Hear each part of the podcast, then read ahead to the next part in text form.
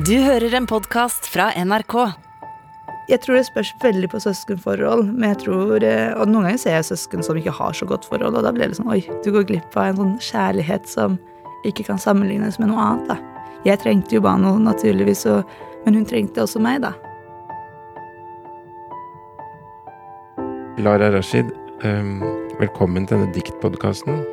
Takk for det. Jeg har funnet den opp fordi jeg liker å dele dikt. Mm. Um, selv om det er litt småpinlig innimellom, og selv om det ikke alltid er sånn at diktene treffer helt de jeg prøver å dele dem med, så hender det. Og fordi det hender innimellom, så, så lager jeg denne podkasten. Og så hadde jeg så lyst til at du skulle komme, uh, fordi jeg har lest boka di, som heter Hold meg til jeg sovner. Mm. Og allerede der er det, det er poetisk fra start. Tittelen er poetisk. Så du er forfatter, og du er journalist, og så har du skrevet denne boka som handler om familien din. Om oppveksten i en familie som flyktet fra Kurdistan. Om en stor, fantastisk storesøster, sånn jeg leser det, som du beundret, uh, som het Bano. Og dere var på Utøya sammen. Og hun ble drept på kjærlighetsstien. Dette har vi jo kunnet lese om i, i mediene, sikkert mange som Mm. har merket seg den, uh, den historien, da. Eller Ikke sant? Det er det. Skal begynne å snakke om Utøya. Så blir jeg bekymret med en gang for å finne de riktige ordene. Men jeg har jo skrevet en bok om det. Ja. Så det er eh, jeg Og nå har jeg, nå jeg, har jeg en innstilling på at vi skal snakke om det. Så det er mer når folk tar opp på fest, at det kan bli ubehagelig. ja. Men uh, når jeg har sagt ja til å være med i panelsamtale, sagt ja til å være med i et program, så er jeg jo både innstilt på at vi skal snakke om det som er vondt, da. Og det er jo ikke, vi to skal jo ikke snakke om det på samme måte som jeg snakker med en god venn om det når jeg er lei meg. Nå skal vi snakke om det på, en, på et nivå hvor eh, vi kan reflektere rundt det, da. Ja. Så jeg er jo veldig forberedt. ja, ikke sant. Men når folk har fått litt innabords på fest og liksom Ja, skal ta det- praten Det er det verste. Men jeg har blitt god på å si at uh, det passer seg ikke nå.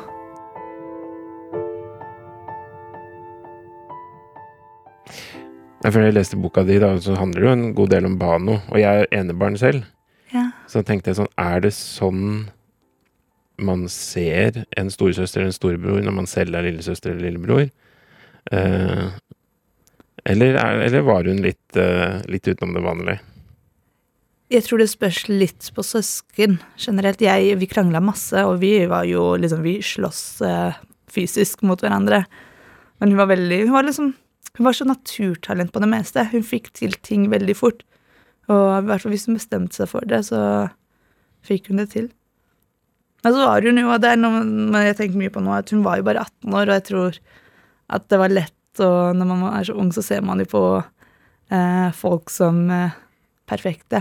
Og jeg vet jo at i dag så hadde jeg jo sett hennes sårbarheter, og det tror jeg også veldig mange lillesøster, at veldig mange lillesøstre føler at storesøster Eller denne type, det type forholdet vi har hatt, da.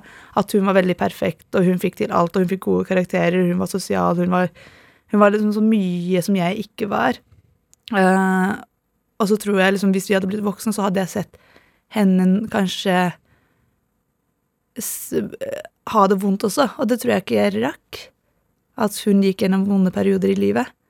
Utøya ville jo vært et sånt greie for henne også, at hun ville jo hatt det vondt etter det, men jeg rakk liksom aldri se Og hun rakk heller ikke oppleve det. I dagene etter terroren på Utøya begynner et helt land å lete etter ordene som kan trøste oss, og på en eller annen måte romme det som har skjedd.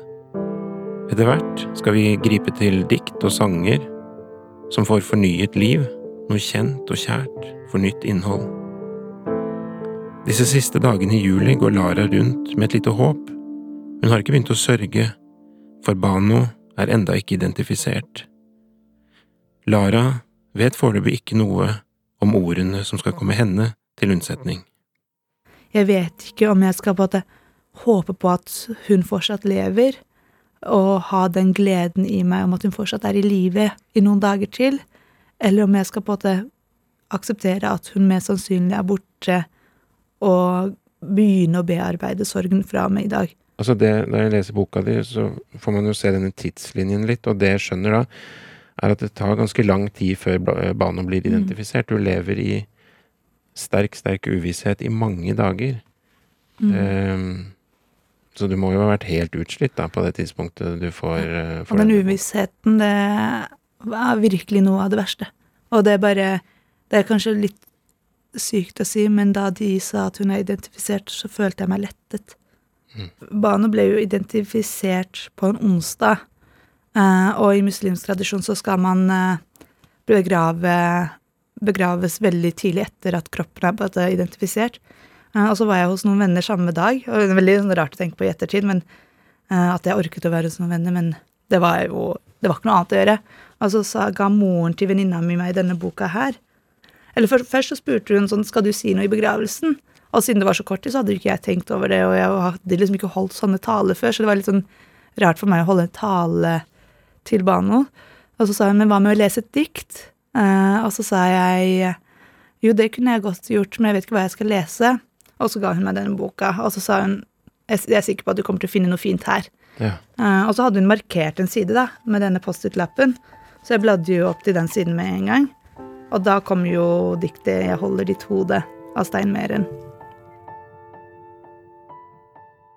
Jeg holder ditt hode i mine hender, som du holder mitt hjerte i din ømhet, slik allting holder og blir holdt av noe annet enn seg selv. Slik havet løfter en sten til sine strender, slik treet holder høstens modne frukter, slik kloden løftes gjennom kloders rom, slik holdes i begge anoe, og løftes dit gåte holder gåte i sin hånd.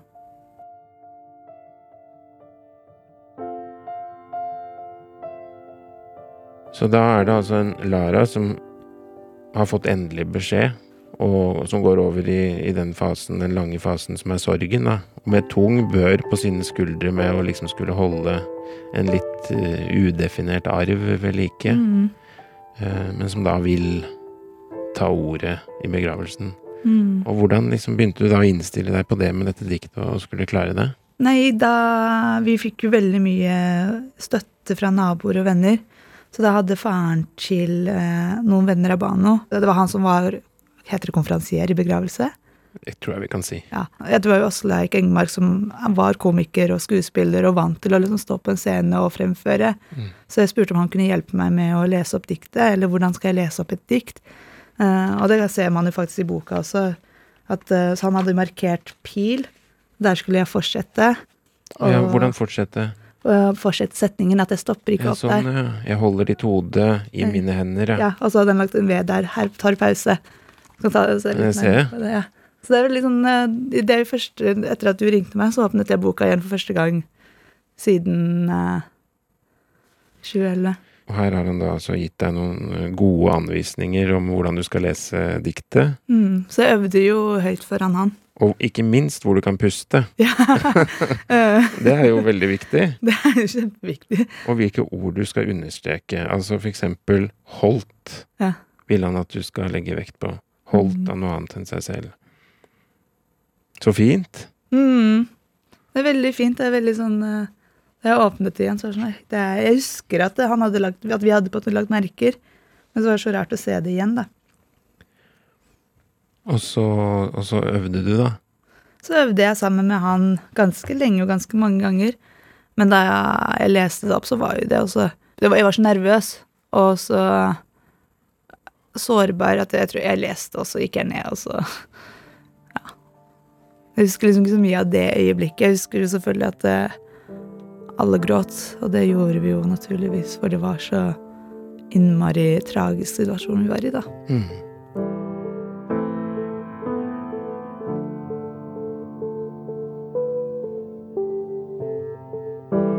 Bane pleide jo å si da vi var små, hold meg til jeg sovner. Eh, når vi delte senger på ferie, eller hvis mamma og pappa var bortreist og vi sov i deres seng, så sa hun at hun syntes det var så hyggelig å bli holdt til hun sovnet, at hun følte at hun kunne gå trygt inn i, ja, inn i drømmene, da. Så, så, så der griper dette diktet egentlig rett inn i en sånn språkbruk som dere hadde dere imellom, da.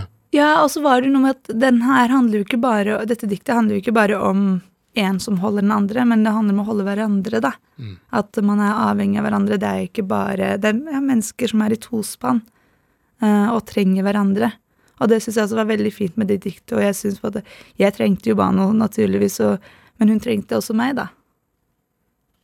Slik allting holder og blir holdt av noe annet enn seg selv. Mm. Slik havet løfter en sten til sine strender. Jeg var bare ute etter dette ordet 'begge', mente jeg dukket opp i diktet her et eller annet eh, Det er jo helt i starten, og jeg holder ditt hode i mine hender, som du holder mitt hjerte i din ømhet. Da holder jo begge hverandre. Ja.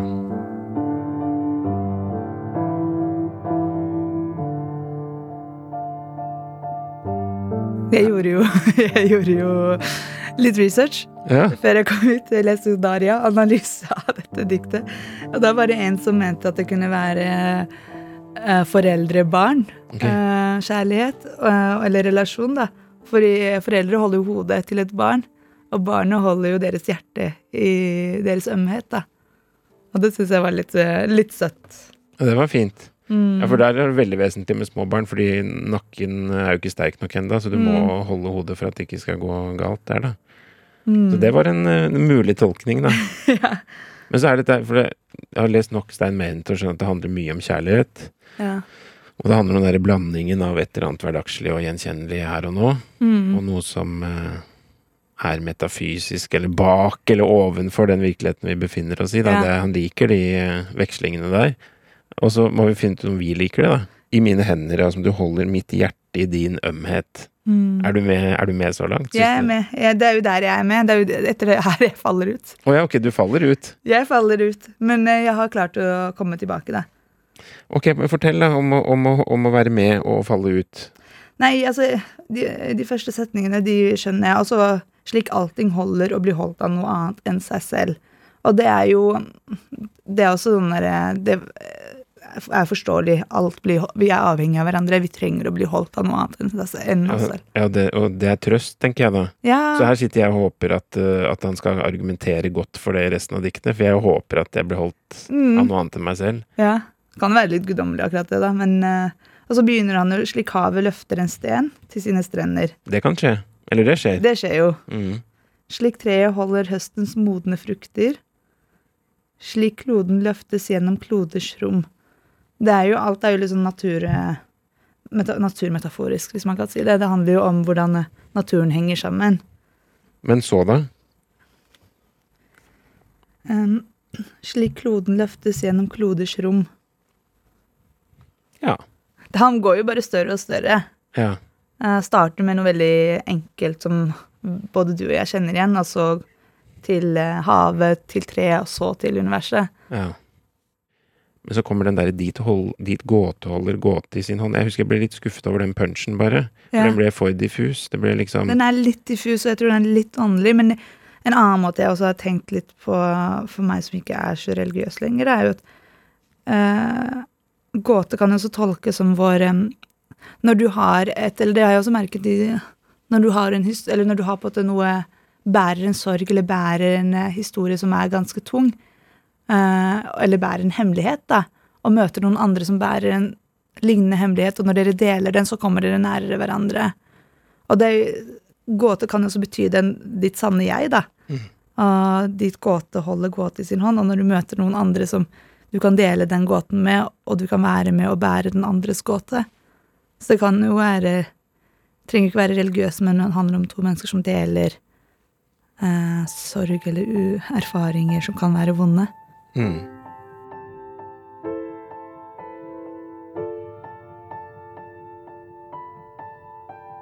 Det var vanskelig å lese bøker, uh, fordi jeg klarte ikke å konsentrere meg. Og da syns jeg altså dikt hjalp mer. Mm. At jeg fant liksom noe trøst i uh, diktbøker, fordi det var Jeg klarte å konsentrere meg og lese det ferdig, og så traff det mer, da, enn bøker som er sånn mer, mer tekst, mer forklarende. Hvor det, det er lettere å falle ut når du er i en så stor sorg, da. Altså, da leste du en del dikt faktisk i den perioden der, da. Det var det eneste jeg kunne. Eller var liksom det, jeg var jo kjempeglad i å lese, eh, men eh, jeg klarte ikke å lese bøker etter det. Det var bare Jeg klarte ikke å konsentrere meg om det, og da var det lettere å bla i diktbøker. Det er et veldig fint dikt, og jeg håper at jeg kan få den følelsen med noen andre igjen. Mm. Ikke akkurat samme, for jeg vet at det ikke er mulig, men bare en følelse av at eh, det er noen der, altså. Det er et kjærlighetsdikt, eller? For meg er det det. Eh, og så kan det hende at, eh, For noen så er en dikt om kjærlighet til naturen. Det er, altså Kjærlighet er jo Det kan være i mange former, det. Mm. Men for deg? For meg er det selvfølgelig et dikt eh, om eh, meg og Bano. Mm. Eh, eller det er jo et dikt om to mennesker som er veldig glad i hverandre. Nesten alle opplever jo det. Det å ha den store kjærligheten for noen. Og det å ville ha behovet, bli, behovet for å bli holdt av noen. Og jeg tror det er noe sånn trygt med hele setningen, da. At det er noen der som holder deg og tar vare på deg. Og at det er gjensidig. Lara Rashid, jeg er så glad for at du kom til denne diktpodkasten. Takk for at jeg fikk komme. Jeg var spent på om vi skulle liksom klare å snakke om dikt og 22. juli, og uten at det diktet fikk liksom for mye plass, eller at det ble litt rart. Men jeg syns det ble veld, bare veldig fint. Jeg, synes, øh, jeg var litt nervøs for om jeg kunne klare å snakke i 20 minutter om et dikt, men det, det, Det gikk. gikk fint. Stein Mehrens dikt 'Jeg holder ditt hode'. Jeg holder ditt hode i mine hender, som du holder mitt hjerte i din ømhet. Slik allting holder og blir holdt av noe annet enn seg selv. Slik havet løfter en sten til sine strender, slik treet holder høstens modne frukter, slik kloden løftes gjennom kloders rom. Slik holdes vi begge av noe, og løftes dit gåte holder gåte i sin hånd.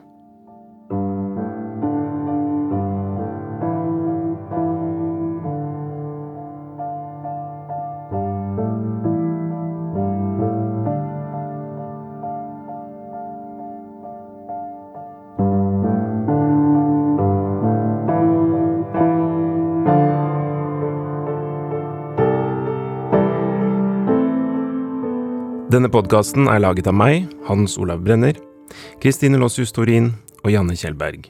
Redaksjonssjef Ingrid Nordstrand. I neste episode av Brenner deler dikt får vi høre hva som treffer rapperen Stig Brenner, også kjent som Unge Ferrari.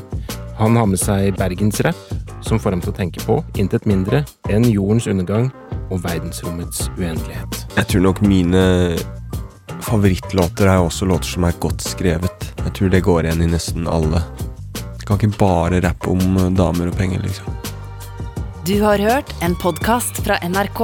De nyeste episodene hører du først i appen NRK Radio.